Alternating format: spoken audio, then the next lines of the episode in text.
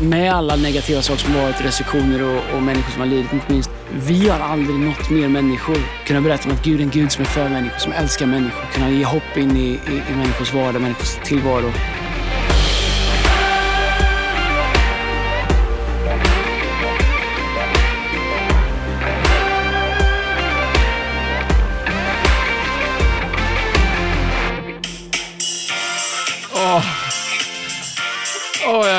Inte tyckt om det. Jag vill säga hata, men jag ska inte säga en podd. Men sätt på någon nyårslåt nu då, som en nyårs... Eh, Nyårslåt. Finns inte Celebrate där? Eh, celebrate, vilken skiva var det Men då? det är på den du är inne på där, Celebrate med det? Passion. Det här är ju gamla låtar vi, vi Ja. gräver i nu. De är ju Nu- 17-18 år gamla. Ja, de är en stund alltså. Vänta, vi ska se här. Det var inte igår man tog upp de här. Lyssna när trummorna kommer in nu. Det här är skrivet liksom tre dagar efter Justin Timberlake skrev Senorita. Så Men Internet fanns inte så det gick liksom, man kom undan lite mer. Mina damer och herrar, det är nyårsafton! Yes! 2020! 2020. Vilket år vi har haft! Låt festen börja. Put your hands up! Oj, oj, oj. Här kommer nyårspodden. Erik poddar i ett linne här redo för kvällen. Jag har också skrivit två dagar efter Destiny Child släpptes. Exakt. All right, för alla som är typ under 40, välkomna till nyårspodden. Det är den 31 december. 31 december. Fick några julklappar. Eh, ja, det fick jag ju faktiskt. Alltså, men det är ju, eh, jag fick ju, ehm, Förr var man tvungen att vara snäll för att få julklappar. ja. vad är ditt kärleksspråk? Mitt kärleksspråk. Jag vet inte, jag har lärt mig Linas nu i alla fall. Det var inte de två jag trodde. Här, jag gick ju på mina, du så här, köpte presenter till henne i 15 år, sen sa hon att det var tid. Jag kommer, mitt, mitt kärleksspråk är egen tid. ja, men, men, men alltså också tid. Ja, eh, Jag behöver, jag behöver ju tjänster och, så att, jag tror att det är mitt också. kär- och Men, mycket uppmuntran på Instagram och sånt där. jag tror att en, en eftermiddag med en bra hockeymatch eh, själv i bastun, Vad grabbigt. då, då pikar håret fram. Ja. Nej, men alltså jag har fått julklappar, men det är också roligare att ge bort julklapparna, eh, tycker jag. Men det har varit en bra jul, eller? Vi har varit lite gran i The Sabbath några Ja, dagar. ja, precis. Ehm, det var lite som att kliva ur en torktumlare. Um, men det har varit ett stort år. man säga. Och nu håller vi och laddar upp, för vi ska läsa Bibeln, eller hur? Ska Nu ska vi läsa Bibeln. Ja, ska, läsa. ska jag läsa alltid Bibeln? Ja, men jag menar, vi ska ju läsa. Vi, gjorde ju, vi läste du, Bibeln. du ska börja läsa Bibeln. Nej, jag läste Bibeln, hela Bibeln på en månad förra året. Läser du fortfarande barnens bibel där med teckningar i? Men Det, det händer. jag tycker den förtydligar vissa saker man har Alltså, undrat det, över. det är så sjukt med barnens bibel, eller det är bra. Jag hade den uppväxten. Vissa ställen som jag läser i bibeln, Ja. Alltså de teckningarna som var i barnens bibel, Ja. de är liksom inpräntade. Inte minst den här, när Salomon ska dela på ett barn. En hemsk bild i en bibel. Eh, Någon som står och håller ett barn i ena foten och ett svärd i andra, så jag tror att det droppar blod. Vet. Finns det ett, okej vi, vi, vi, vi gör en nyårspodd, vi ska ställa massa frågor, det kommer vara högt, det kommer vara lågt, det kommer vara roligt, det kommer vara djupt. Men bara du vet, lite halvdjupt i början när vi pratar om Bibeln. Finns Mm. det något bibelord som har stått ut det här året för dig? Mer än någonting annat? Ja, det har det ju. Um, sätter mig på kanten lite, men um, För mig, det här, tyst älskar Gud. Lukas 4. Jo- Johannes det. Nej, men eh, några olika under olika säsonger. Jag läste väldigt mycket i början på året om eh, Niels pratar om nya vinläglar, nytt vin Ja. i nya vinläglar. Verkligen. Sen så läste jag ganska mycket om eh, Paulus säger “Remember where you were when I called you”. Mm. Um, Just det. det har varit väldigt levande för mig. Prata om mig personligen, kanske inte bara det jag predikat om. Jag har läst otroligt mycket början på apostlagärningarna, eller första hälften av apostlagärningarna, när eh, de första kristna var samlade i Jerusalem eh, ihop med apostlarna och eh, ockupationsmakten, de som var rädda för... Det blev ju 3000 människor, män frälsta. 3000 män frälsta på en dag på det som vi kallar för pingstdagen, plus kvinnor och barn. He, hela samhället, inte, för, inte specifikt Bibeln, räknar det annorlunda då och räknar bara män, vilket är mycket bättre när, när eh, alla räknas. Eh, så, det är klart att i ett samhälle, alltså det var det var inte så att det bodde fyra miljoner liksom där. Det var inte, det var liksom inte Atlanta. Nej. Så 3000 plus kvinnor och barn, kanske jag vet inte, 5, 6, 7, 8 Jag vet inte hur många som blir frälsta exakt den dagen. Men det är ändå ett ganska stort movement som föds. Och när man är ett land som styrs av en ockupationsmakt så är man ju konstant rädda för uppror eller för liksom att folket ska resa sig mot ockupationsmakten. Så Och så står det att till det frälsta varje dag. Och så står det i Apostlagärningarna kapitel 2 och vers 40, 41, 42 att jag älskar hur The Message skriver det. And God added daily to the, daily to the church uh, the numbers of those who, who came to faith. Ja.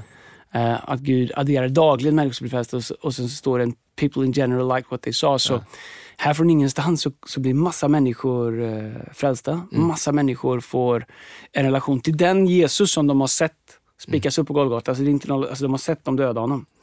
Eh, och nu förstår de att han uppstod. Och så kommer alla de till tro. Så det startar ett sånt sjukt movement. Så alla de, de är i Jerusalem. Så ockupationsmakten givetvis tänker vi måste skingra dem. Då var ju tron och evangelium centrerat till eh, den här geografiska platsen. Så de centrerar, eh, de eh, skingrar dem över hela Mellanöstern. Och tänkte nu har vi blivit av med det. Men det var ehm, den första förföljelsen av den kristna kyrkan kan man säga. I, i liksom större skala medan Stefanos och några andra blev stenade. Men det var också den stora den första stora spridningen av de goda nyheterna och av evangelium. Så det, jag har läst det jättemycket när man tänker på i, eh, det här året. Ja. Hur Gud alltid någonting som verkar som eh, är menat för att förstöra, för att isolera, för att förskingra. Hur Gud alltid använt det till att, till att eh, sprida evangelium och till att nå fler människor och till att ännu fler människor ska upptäcka. Och det har, så har ju året varit för oss. Även om vi inte kunnat samlas som vi vill så har ju, jag tror aldrig vi har kunnat betjäna och beröra mer människor än vad vi har gjort det här året. Och det som såg ut som en curse eller som en förbannelse i början. Även om det finns många saker som var tuffa, liksom, människor som har förlorat nära och kära och människor som varit isolerade. Det finns en enorm baksida med det. Men om man bara tittar på några positiva saker så, så samma effekt som det hade på första kristna Jerusalem. Eh, förutom att vi inte har blivit dödsmartyrer som de gjorde. så har evangeliet kanske spridits mer än någonsin. Verkligen. Jag tänker också på, både du och jag gjorde ju The Shred i januari. Vi läste ju Bibeln på en månad, vilket är, om man Hela känner Bibeln. oss, hela, om man känner oss så kan man säga att det är ju en bedrift som eh, inte ens min fru trodde skulle vara möjlig. Eh, och det gav mig bränsle varje dag. Vi läste ju Bibeln en och en halv, två timmar per dag i januari månad. Och när jag, när jag liksom 40, kap 40 kapitel om dagen Ja, ungefär. lyssnar lite grann också ibland på dubbelspeed. Men, men, men, men jag gillar den känslan när man har läst hela Bibeln. Ibland när man läser Bibeln så går man till den som en blind på frukten. Liksom, på ett litet äpple, ett litet päron. Och, så går Ja. man, och det är bra att göra så också. Men, men det är ganska sällan man zoomar ut och bara tittar på hela trädet. Nathan Fenocchio som är hos oss, om bara några dagar. Ja. Eller hur? Startar eh, Sunday Night Bible School varje söndagkväll. Eh, har tagit fram en bibelläsningsplan som heter The Shred. Och jag vet att när jag, några av de sakerna som, som jag vet stod ut när jag läste Bibeln på en månad har jag kommit tillbaka till gång på gång på gång. Till exempel psalm 40. Jag pratade David om att han ska lägga en ny sång i vår mun. Eh, och jag kommer tillbaka hela tiden hur mycket man faktiskt inte kunnat gått på gamla erfarenheter det här året utan man har behövt nya sånger, nya idéer, ny kreativitet, ett nytt tilltal från Gud, ett nytt ord från Gud. Och det gör mig inspirerad att faktiskt gå in i nästa år, 2021, för det ser ju kanske ännu mer ovisst ut än vad 2020 gör. Med Ja. ny sång, eller hur? Men jag tror hela det, jag tror att det var superviktigt vi, att, att vi var ett gäng som gjorde The Shred, som läste hela Bibeln på 30 dagar. Ehm, jag tror att det är fascinerande, nu ska vi inte snöa in det, det, det är ju, eh, vi kanske ska starta en bibelpodd, men jag, det här ska jag kunna prata om i, i timmar. För grejen är så här, så många otroligt fina kristna människor som jag känner. Eh, fina, eh, fromma människor. Man har liksom läst Bibeln, man tar en vers här och man kan Johannes 3 och 16, till så älskar Gud världen och psalm 23, Herren är min herde och han är med oss och han är likadan idag och tyvärr jag också. Men, men, eh, men, men när jag börjar läsa, sträckläsa Bibeln på det här sättet, då upptäcker man att, och det är ibland svårt för människor som kanske har svårt att tro eller som, som tror på Gud men har svårt att förstå Bibeln och tycker att den verkar gammaldags eller tycker att den verkar liksom konstig på vissa ställen. Man läser hela Bibeln. Det är inte bara liksom att du läser igenom hela Bibeln. Du, du ser narrativet Mm, som är från skapelsen till sista versen i Johannes uppenbarelsebok. Och det är en sak att tycka att vissa verser är fantastiska eller säga att jag fattar inte den här delen, det här kan inte vara sant. För någon sa det superbra, Ehm, jag tror pastor Brian sa det, att vi, våra generationer, kanske ännu mer de som är lite yngre än mig, vi har liksom lärt oss från början att göra oss själva till Gud. Som, ju- som jag känner, som jag tycker, det som känns bra för mig, så som jag ser det genom mina filter. Så risken är att vi eleverar oss själva till Gud, alltså centrum av allting. Och, och då måste vi också kräva att omgivningen ska förhålla sig till det. Så om jag nu har bestämt mig att jag är centrum av det, jag läser Bibeln på det här sättet, jag tolkar saker på det, jag tittar på samtiden på det här sättet, så som jag känner det här känns rätt. Då måste ju allting förhålla sig till det. Och det som inte förhåller sig till mig, det måste jag bestämma om jag ska säga att men det där gäller inte längre, det där är inte sant eller det där verkar konstigt. Men det är utifrån vart jag har positionerat mig själv. Man läser hela Bibeln, man gör the shred. För mig, som ändå har läst Bibeln i många, många, många år. Storyn, hela storylinen, narrativet över 66 böcker, där man ser Gud genom alla böcker, den röda tråden genom alla böcker. Där det inte bara blir exakt det som står, utan exakt. det är som att du lär känna författaren. Alltså Gud, inte den som höll i pennan, som blev inspirerad att skriva ner det. Utan han som är ordet. Johannes kapitel 1 säger i, i, i början var ordet, ordet var Gud, ordet var Gud. Pratar om Jesus som ordet. Och, så några saker man läst i hela Bibeln, det är att nummer ett, narrativet blir tydligt. Hela narrat, kristna narrativet, hela Bibelns narrativ. Eh, det andra som är otroligt slående är att Jesus finns rakt genom hela Bibeln. Exakt. Hela, du hittar Jesus överallt. Du hittar han i, vi pratade om någon gång tredje Mosebok, kanske mm. en av de i sig alltså, trögaste att ta sig igenom. Liksom. Det är mycket beskrivningar av första templen och alla de här lagar hit och dit. och så här. Men ändå vet vi att det är den och Psaltaren, de två böcker som Jesus re, refererar mest till. Exakt. Absolut mest. För att den är viktig och om man öppnar den och bara läser den så det är ju, kan vara öken att bara läsa ett kapitel. Men när du stoppar in den i narrativet från första Mosebok till Uppenbarelseboken så uh, så jag vet inte hur vi kom dit, men så började ja. våra året. Jag tror att det blev en viktig grund för oss det här året. Exakt, så vi gick in i januari, vi läste Bibeln på en månad, vi gjorde det i kyrkan, vi gick in i Revival Nights, du pratade om liksom new wineskins, eh, jag tror det var Lina som påminner oss här om veckan på ett av de sista staff meetings vi hade om liksom det du predikade om det Andreas, att det var eh, nästan lite skrämmande profetiskt. Eller, eller faktiskt spot on vad vi är för ett jobb. För vi har ju inte kunnat liksom luta oss tillbaks på någonting som vi tidigare gjort i år, utan vi har tvungna att testa på på nya sätt. Så februari gick och slut februari, början på mars så covid kommer, mm. corona kommer. Vi, eh, allt det som vi egentligen gör, träffa människor, samla människor, ha möten, pastor människor, allt det vi liksom såg ju helt annorlunda Vi kunde inte liksom göra någonting som vi gjort tidigare. Nej. Kan du dra lite minne hur du kände där? Hade du, kände du rädsla, panik? Eh, minns du vad, du liksom, vad, det, vad det bad för böner till Gud där i mars? Um, jag personligen har inte känt mig rädd för uh, corona eller covid-19. Uh, jag vet inte om det är min personlighet eller vad det är, men jag, jag har inte känt mig rädd för det. Jag, jag, jag tror så här, det gick ju ganska fort när vi stängde ner. Mm. Alltså, förstår du, alltså, det gick på någon vecka liksom. Mm. Så fick vi ha 50 pers och sen fick vi inte det. Och, men egentligen 50 pers, man är en kyrka som vi är med många, många, många tusen. Liksom. Att ha ett möte av 50 pers, vilka 50 ska komma? Alltså, det, var, det var innan vi hade mikromöte. Vi hade, så det gick ganska fort där. Så en av de sakerna jag minns, och det, är, det här är ju liksom inte konspirationspodden, men jag tänkte ganska fort, oj vad fort det gick för staten eller samhället och bara bestämma att mm. eh, kyrkan får inte träffas. Och jag tänkte eh, kanske att eh, det kanske gick lite väl fort. Jag säger inte att det var fel, men kyrkan givetvis gjorde honör och, och, och lydde och vi också. Jag tänker okej, okay, nästa gång om det gäller något annat. Eh, och det är en tanke som jag brottas med hela året och brottas mm. med fortfarande. Okej, okay, vad är Absolut att vi ska följa de råd och riktlinjer som är och vi är supernoga med det och vi, vi försöker vara ett föredöme till och med för andra inför det. Men jag tror också att det finns ett annat skav i det som är eh, rättigheten att träffas. Vi har ju hela tiden sagt att, jag kommer tillbaka till din fråga, jag har inte glömt men vi har hela mm. tiden sagt att vi håller på med samhälls, samhällsbärande verksamhet. Jag var, ganska, jag var ganska tydlig med det. Så tillbaka till din fråga, en av de sakerna som jag personligen bestämde mig för ganska fort är kyrkan behövs mer än någonsin. Mm. Och även om nästan aldrig har hört Anders Tegnell och inte hört vår statsminister och inte hört någon prata om kyrkans värde. Och jag är för att man har skjutit till hundratals miljoner till hockeyklubbar och fotbollsklubbar. Jag tror Frikyrkan fick tre miljoner att dela på.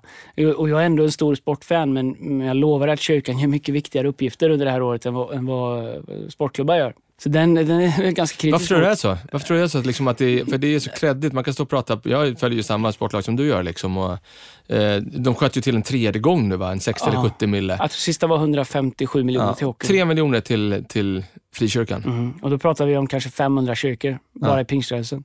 Ja. Hur många hockeylagen gör det vi gjorde i fredags? Åker runt till liksom, ungdomar som är ensamma, åker ner till barn, runt ett barn med våran liksom, eh, Leo, våran som eh, har maskerad med den, delar ut julklappar till dem, matkassar. Hur många, hur många hockeylagen gör det? Nej, jag vet inte. Jag vet att många gör, många gör sociala insatser, ja. men jag tror att eh, om, om man tittar på det kyrkorna i stort har gjort det här året jämfört med kultur och sport och annat så är det ju, det är ju game over. Alltså. Kyrkan är mycket viktigare. Jag har inte emot de andra, jag är inte emot kultur, det. jag är inte emot sport heller. Men jag bestämde mig ganska tidigt att eh, utifrån mitt ledarskap ehm, vi definierar att kyrkan är en samhällsbärande funktion. Mm. Och jag motiverar utifrån att det kommer sitta barn isolerade hemma i familjer som tycker att skolan är deras enda andningshål. Därför att de bor i ett kaos, kanske i bråk, kanske i misär, kanske fattigdom, kanske alkoholism, kanske olika saker.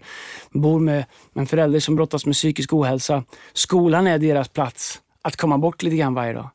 Eh, första läraren fick vara hemma lite grann eller kanske föräldrar som är hemma. Eller, vi börjar ha lockdowns, och vi, eller inte sån lockdown, men vi börjar du vet, så här, umgås inte, träffas inte, var inte ute. Eh, det är fruktansvärt för massa människor. Och, och jag är för det, jag förstår hela grejen. Så jag, jag, har, jag har ingen kritik mot, jag lägger mig inte i hur myndigheten har hanterat det här. Jag, jag, jag kan reflektera över att det var, det var ganska många svenskar som efter två veckor var experter på, på smittskydd, smittskyddsgrejer och hela Facebook är fullt av, eh, jag tänker på alla experter som finns på det här med corona på Facebook, att vi inte har löst det här än. Så jag litar på att de som hanterar det, de kan det. Men vi bestämde oss att det vi gör är viktigt. Vi kan inte växla ner. Vi bestämde oss för att inte permittera.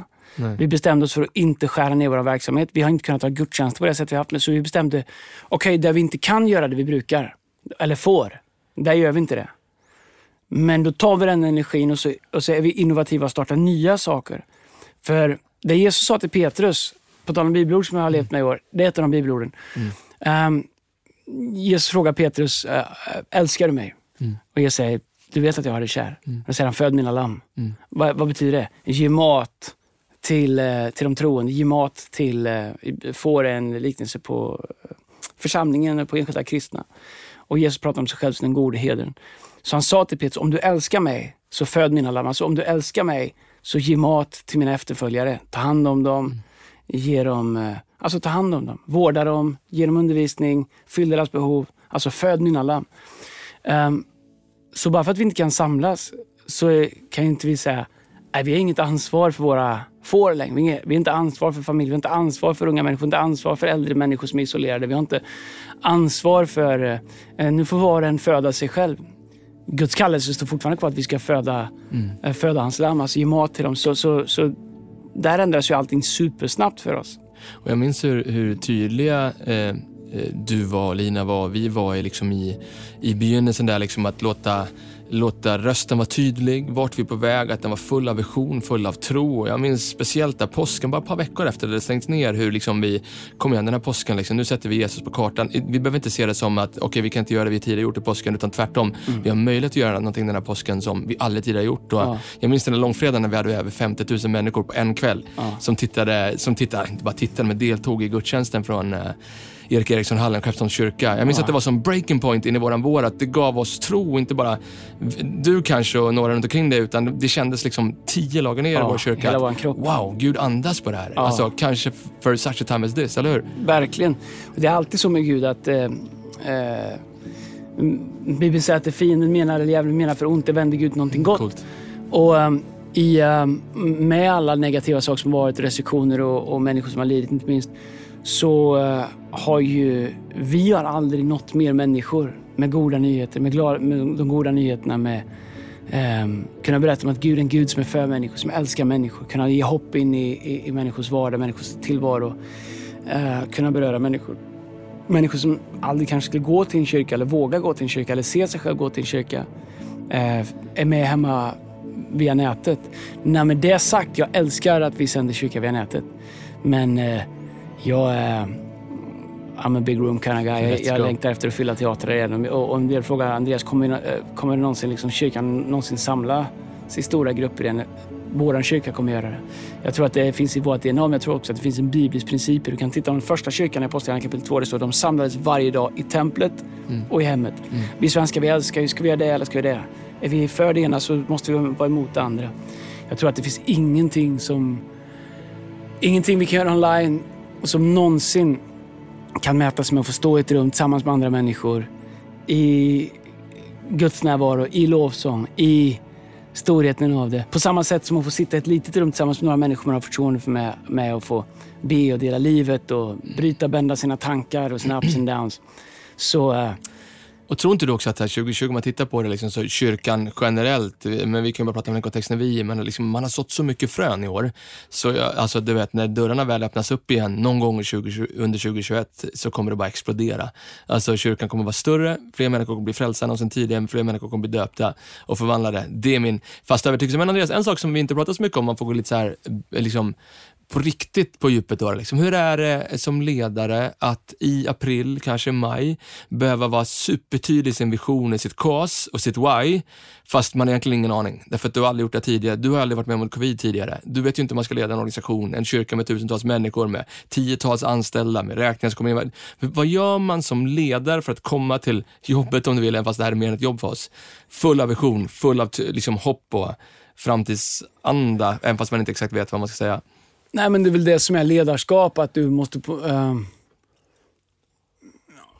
jag tror att om du är på ett skepp, eller du, du flyger. Mm, mm. Alltså, så länge piloten inte är nervös så är man ganska lugn. Eller så länge flygvärdinnan inte krä, kräks och, och spänner fast sig och är livrädd, då, då är man ganska lugn. Mm. Jag har varit på en flight när man känner att nu freakar flygvärdinnan ut. Då, då är det dags att bli rädd. För mig var signalvärdet väldigt viktigt. att uh, jag får hantera min egen liksom, frustration, oro, ovisshet. Den får jag hantera separat. Jag kan inte ta med mig den till jobbet, jag kan inte ta med mig den till kontoret. Jag kan inte... Alltså man kan prata om att eh, värdet av att vara transparent, det är absolut. Men det finns också tider när man faktiskt du får hantera det så att du kan komma med trygghet och, och eh, inge förtroende, och mod och självförtroende till de som du ska leda. Därför att du vet att de tittar på dig. Eh, och vi har alla det, människor. Du kan vara förälder och du har barn som tittar på dig. Du har barn som följer ditt kroppsspråk. Och, för mig var det viktigt att uh, uh, jag, tror att Gud, jag tror att Gud är con is in control. Uh, men jag var det definitivt inte. Men jag tror att det, var, det var viktigt att gå in och, och, och, och, och, och liksom styra skutan med stadig hand, med mm. lugn hand. Um, jag tror det var viktigt att inte jiddra och hålla på och säga saker som man inte visste någonting om. Um, utan det är vad det är men här är vad vi ska göra. Mm. Um, för oss har det varit superviktigt att hela tiden peka oss själva tillbaka till vårt uppdrag. Vårt uppdrag har inte ändrats det här året. Alltså det, det, det uppdrag vi har fått från Gud, det är vår kallelse, våra, alltså människors behov har inte ändrats. Så allt finns kvar. Vårt uppdrag är supertydligt. Det handlar bara om att hitta ett annat format att göra det Och jag tror att ibland så, så är det lätt att tänka, vare sig det är en kyrka eller företag eller organisation, om man inte kan göra det på det sättet jag har gjort det innan, då kan jag inte göra det. Men jag tror att eh, utmanande tider är också en enorm eh, liksom, grogrund för innovation. Det tycker jag vi har sett i våra team och i våra så många volontärer, så många ledare. Innovationen. Vi startar mikromöten och annat, jag vet inte om vi kommer tillbaka till det, men in, det in, innovation. Bara när vi började sända online, mm. vår första gudstjänst online, då gick vi in i våra norra campus, hade ett halvt möte. Eh, det var ingen bra produktion. Lyssna inte på det snälla. Nej, gå inte tillbaka. Hoppas vi har tagit bort det från internet. Därför att vi filmade bara av ett vanligt ja. möte. Mm. Tills vi insåg att ja, det är nog annorlunda att vara i ett rum med alla känslor som är Exakt. och all atmosfär. Än att sitta hemma och kolla på det framför sin TV eller titta liksom följa det via sin iPhone eller någonting. Så vi var tvungna att göra om. Inte innehållet, inte evangelium, inte lovsången, inte vårt uppdrag. Men kanske inramning, paketering och andra saker. Så jag tror att för mig var det viktigt att ännu mer förankra. Här är vårt uppdrag. Här är vad vi gör. Här är de vi betjänar. Här är eh, vad vi är här för. Nu kan vi inte göra det på det här sättet längre. Så kom on, nu sätter vi oss ner och så vinner vi i att komma på hur gör vi det nu. Jag tänkte, vi kan prata om mikro alldeles strax, men jag bara tänker bara stanna kvar två sekunder till i det. För jag tänker det finns ju en annan verklighet också. Eh, man kan säga så här ibland när vi startar kyrkan, att så här, liten kyrka, små räkningar, stor kyrka, stora räkningar. Nu helt plötsligt är ju inte vi liksom en sån här up and coming liten kyrka med några anställda, utan det är en ganska stor apparat och byggnader som vi äger och en, en bra bit över 30 anställda och, och, och män, du vet, som har familjer och barn och fru och man och, liksom, du vet, och så vidare. Och det är också ett ansvar som man, kan jag tänka mig, någonting som man, samtidigt som man ska komma på vad man ska predika om nästa söndag eller vad man behöver kommunicera till sina liksom, core-ledare. Vad gör du med det? Alltså, var, var, liksom, var det en brottningskamp med Gud eller kände du bara helt trygg i det från första början? Nej, jag tror grejen med ledarskap är att en sak är ju det du ska leverera, alltså det du ska prestera. Mm. Men en annan sak som jag tror att det är den, vilket är den stora liksom, vad det gäller ledarskap och ju mer du bär, ju mer ansvar du har, ju mer måste du förstå det. Det är ju bördan du bär, bördan av ledarskap. Um, vi är anställda. Um, alla undrar tidigt, även om man inte ställer frågan, den hänger i luften, kommer jag ha ett jobb? Mm. Um, Kommer vi klara det här? Vi har en budget, vi, har, eh, vi lever på frivilliga gåvor, på kollekt. Helt plötsligt ska vi inte samlas eh, och samla in kollekt och man kan inte känna av och fånga visionen, fånga rummet. Så vi satte oss ner ganska tidigt eh, i ledningen och gjorde en parallell budget för det här året som var mycket mer, eh, som var ganska krass. Mm. Som byggde på att intäkterna skulle förändras negativt väldigt mycket. Tack gode gud så har de inte gjort det, utan tvärtom vår kyrka har steppat upp och, och, och, och, varit trofasta och, och burit det här liksom, eh, tillsammans med alla andra. Men det är klart att eh, vi är en kyrka, men vi är också en arbetsplats. Vi är också, det finns ansvar och det har, jag tror, där har det nog varit det tuffaste året någonsin i mina 25 år i ministry. Mm. Um, hur går det här? Hur samlar man in Heart for the House i en säsong när man inte kan träffa människor? Kommer givaren att hålla sig? Um, vad, du vet så här, ska vi, ska vi ha kvar den här möteslokalen? Från början liksom, när vi inte fick samlas, okej okay, vi har Kinateatern. Um, den kostar pengar varje vecka att ha. Mm. Nu när vi inte får ses, är det bara för tre veckor eller är det tre månader? Ska vi säga upp kontraktet med risk att inte ha en lokal sen? Eller ska vi eh, vänta några veckor och hyra lokalen ändå för att ha kvar den fast vi inte har intäkter för vi inte möte där? Mycket sådana beslut som vi skulle fatta och som man skulle bära. Och, uh, också med, med kyrkan människor liksom, som man gör resa med. Många företagare i kyrkan mm. som jag har försökt ha mycket kontakt med. Och, se hur det går för dem, och peppa dem och stötta dem. Och många som var, så man skulle vara mycket för många på en gång där. Så, uh, men jag tycker Gud har, varit, uh, Gud har varit god och jag har ett fantastiskt team. Men personligen för mig som ledare, kanske emotionellt och, och energimässigt, så, så det, det, har varit ett stort år. Det får jag Vad har varit det tuffaste? Nej, men... Eh, dels har man försökt ta ett ansvar det här året att vara... Att, att jag har predikat väldigt mycket. Det känns viktigt liksom att ge röst till saker och mm. ting och finns en trygghet och en stabilitet i det. Jag har varit väldigt, väldigt hands-on. Samtidigt som jag leder allt som jag ledde innan så har jag också varit väldigt hands-on med alla nya saker vi har gjort. Ehm, jag har också eh, ett ansvar eh, där jag har varit involverad i Hillsong och några andra länder. Mm. Ehm, för varje beslut du ska fatta så måste du spendera, beroende på storleken på beslutet, ett visst mått energi mm. på att ta dig fram till det beslutet. När vissa saker har man standardiserade eh, processer, värderingar, det de nog ganska lätt att fatta. Men när, när, så många saker är för första gången, det är nya saker, vi har aldrig gjort det här innan. Eh, det finns budgetar involverade, det finns människor involverade. Eh, då, då, är, då, blir många beslut väldigt, väldigt stora och, och det tar enormt mycket tankeenergi. Så det har blivit några timmar på nätterna har det blivit. Oh, och, men, det är intressant tycker jag. Jag ska faktiskt kolla på, du ska hänga med parallellen här, men jag titta på någon krönika från OS 94 där Peter Forsberg går in och, ni vet det kända frispark, eller fri straffmålet. 92? Ja, 94.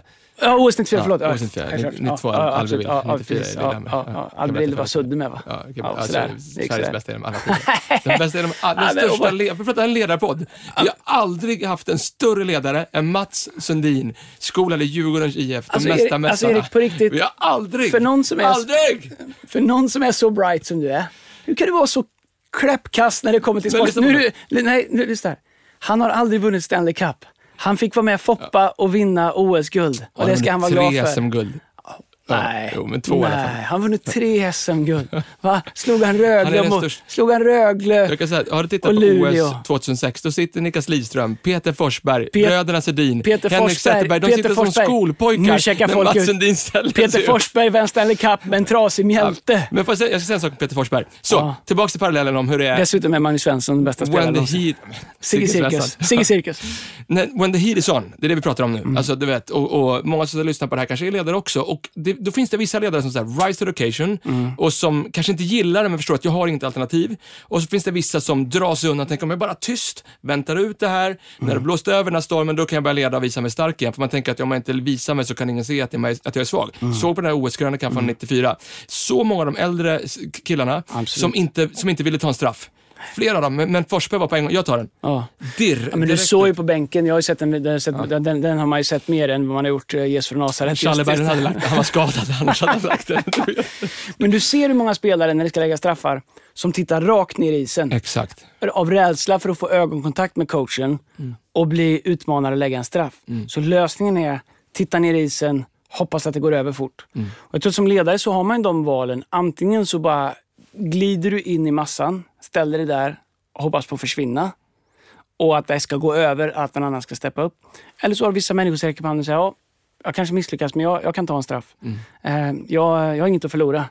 Vi har, du vet, grejen med straffar är ju, du har ju noll ä- ända tills du har lagt straffen. Du Exakt. kan inte få minus. Det enda du, kan, du kan ju bara vinna när du lägger straffar. Alltså förstår du? Du, har ju, du börjar med noll och sen gör du mål och får du ett. Och jag tror att eh,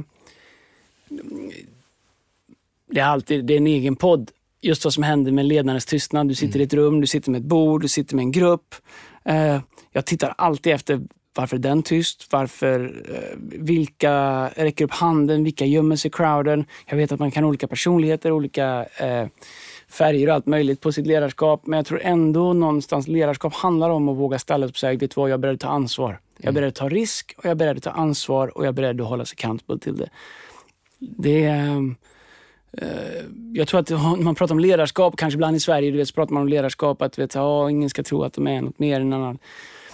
Och det, det stämmer ju utifrån värde. Men här har jag lärt mig av alla ledare som jag känner som är betydligt mycket bättre än jag är.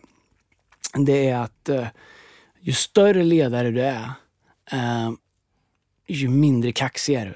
För du förstår what's at stake, du förstår vad som står på spel. Och du känner bördan av den, du känner värdet av det, du känner ansvaret av det. De som är stöddigast är ofta de som har kommit lite grann på sin ledarresa. Fått lite framgång. De har en eh, onykter bild av hur mycket de faktiskt leder för de har det mesta kvar och jag kan se på min egen ledarresa. Man gör tre, fyra år liksom, och du vet, så här, tycker att nu går det bra, får lite uppmuntran, får med i tidningen en gång. Du vet, så här, eller, då tycker man liksom, eh, nu är jag ju liksom där. Men det jag märker på människor som leder, som har mycket ansvar, vars beslut har potential att påverka många människor, det är att de är antingen supersnabba att fatta beslut när det behövs, men kan också vara frustrerande tröga på att fatta beslut för de förstår värdet av det här beslutet. Och jag tror att eh, at the end day så handlar ledarskap om att säga, vet du vad, lasta det på mina axlar. Jag tar det. Vad är dina, vi är snart klara, men bara några frågor till utifrån det. Då. Men så här, vad, vad har varit dina trigger points? Finns det några sådana trigger points när du vet så här, bom, där satt den, då vet jag att jag kan ta det här beslutet. Och, och liksom en följdfråga på det, när, när, liksom, när, när folk sitter och väntar på att du ska ta ett beslut och du, du känner förväntan i rummet, du måste säga någonting Andreas, men du känner att du inte är redo, vad gör du då? Ja, men tidigare när jag var kanske yngre så då, då lät jag mig liksom, eh, det som jag beslutar över, liksom, nu bestämmer inte jag alltid vår kyrka, men det som är inom ramen för det jag leder och beslutar och bestämmer. Eh, tidigare så var jag alldeles för snabb för att bli pressad till beslut för att man vill vara till lags, man vill hjälpa till. Eh. Nu tror jag att jag har mycket mer eget självförtroende i att om jag inte är redo att fatta ett beslut eh, och det har inte tickat de boxarna. För mig, jag är en intuitiv ledare. Jag behöver eh, vrida och vända på det och känna på det liksom och känna att jag, det här är jag tillfreds med, det här tror jag på. Jag har gjort mina varv av å ena sidan och å andra sidan. Jag har sökt bra råd, jag har liksom marinerat det.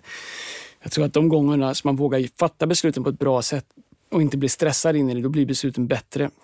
Och jag tror också som, som del av en grupp, jag är också en del av ett team, jag är en ledare.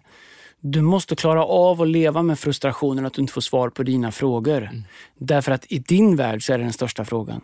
Men i dens värld som har ansvaret för att leda dig så kanske inte är den största frågan. Och, ehm, jag tror att som följare eller som del av ett team så är det enormt viktigt att förstå, okej, det här är jätteviktigt för min vardag, för, för att jag ska komma vidare.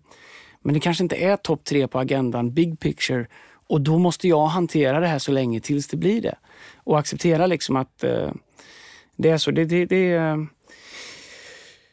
jag, eh, det är väl följden man har gjort det här ett tag, att jag, jag låter mig inte bli rushed in i, into decision innan jag känner att jag är redo. Det är grymt. Så vad är, vad, är liksom, vad är du mest tacksam över då, 2020? Jag absolut mest tacksam över eh, den trofasthet, det ägandeskap som jag, jag har känt från vår kyrka över det som vi har tillsammans.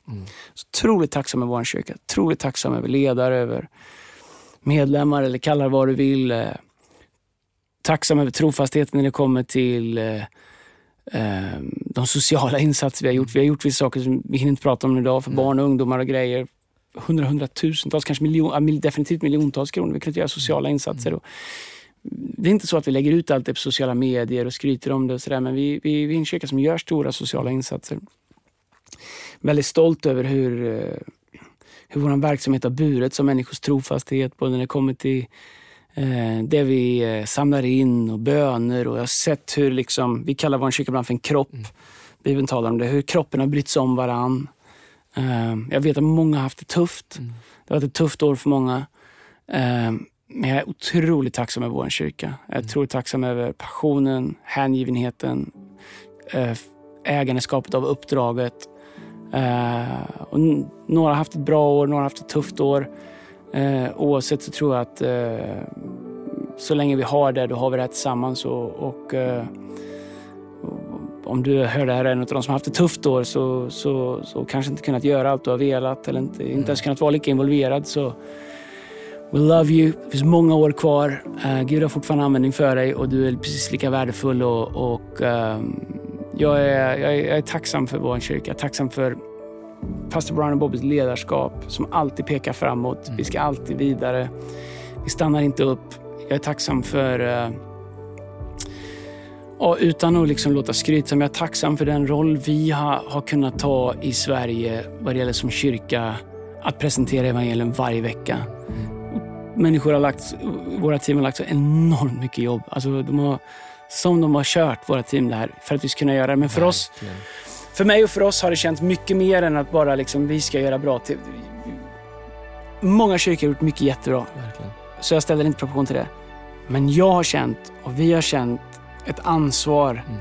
som är för mer än bara våran kyrka eh, i de här sista året vad det gäller att göra gudstjänster på TV och, och nå människor med evangelium och, Eh, det är jag tacksam för att vår kyrka har svarat upp emot och, och varit med Och mäktigt när vi gjorde de här mikromötena som vi inte hinner gå in kanske riktigt på nu, men när vi, som vi startade i höstas. Och hur det börjar synas lite grann, de där fröna liksom. De här människorna som liksom långt ute på landsbygden, eh, Tingsryd, är det, är det landsbygden eller? Tingsryd, ja. klassisk hockeymark. Ja det är det verkligen. Det är ju, Typiskt eh, heter han spelar i Arizona? Nej, han Jo, eh, Oliver Ekman Larsson. Ja, han Tingsryd. Jag pratade med en kille som, eh, som har suttit och följt oss i åtta månader där, hittade oss på Facebook, kom upp, satte sig på en buss, eh, åkte på ett mikromöte, tog emot Jesus, åkte ner till Tingsryd, nästa vecka på en buss igen och den söndagen så döpte han sig.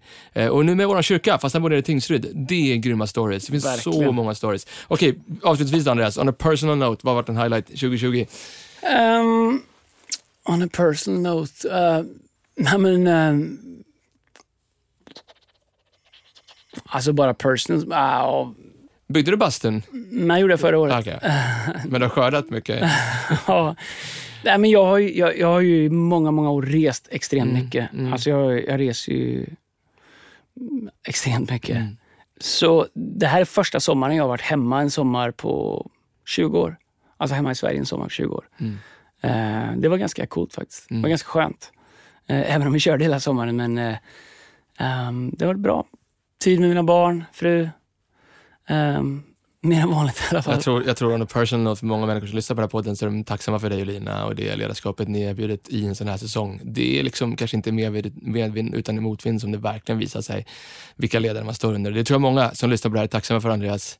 Eh, att du är, och att du inte går på att Malmö tog SM-guld. Utan min personal note är ju den vändningen som ändå ja, men Djurgården gjorde mot Ska du förstöra en så bra podd? Alltså, du är så, alltså, nästa år. Jag vill tacka Erik för eh, Fearless Leadership Podcast när han varit med. Vi ska byta ut honom ja, nästa ja, år. Hur kan du, alltså jag har inget emot Djurgården, eh, förutom att eh, Häcken kom före dem i Allsvenskan, men Malmö är för svenska mästare. Ska vi ha en bra låt på slutet här eller? Det tycker jag verkligen. Checka inte ut alla ni som lyssnar. Årets sista låt. Årets sista låt, vilken är det? Det måste vara en bra. Ska den svänga eller? Ja, låt det svänga lite. Um, så ska jag välja en också. Mm, mm, mm. Välj någon bra. Yeah. Det är lite fredagkväll. det här var Percy Nilegård. Nej, det här är Corey Henrys senaste platta. Don't forget. Nu börjar en del stänga av, men då kommer de missa. Får jag se? Ja. Är det en ny låt eller? Häng kvar. Vi kör nattsudd här hela kvällen. Får man ta lovsången eller? Ja. Det här är min favoritlåt 2020. Ja, var bra. Young and free. Ja. 2021, till som Sverige borde kanske släppa någonting. Verkligen. Eller hur? Ja. Men du, eh, här har vi den också. Här kvar, här kvar, kvar. Här kommer... eh,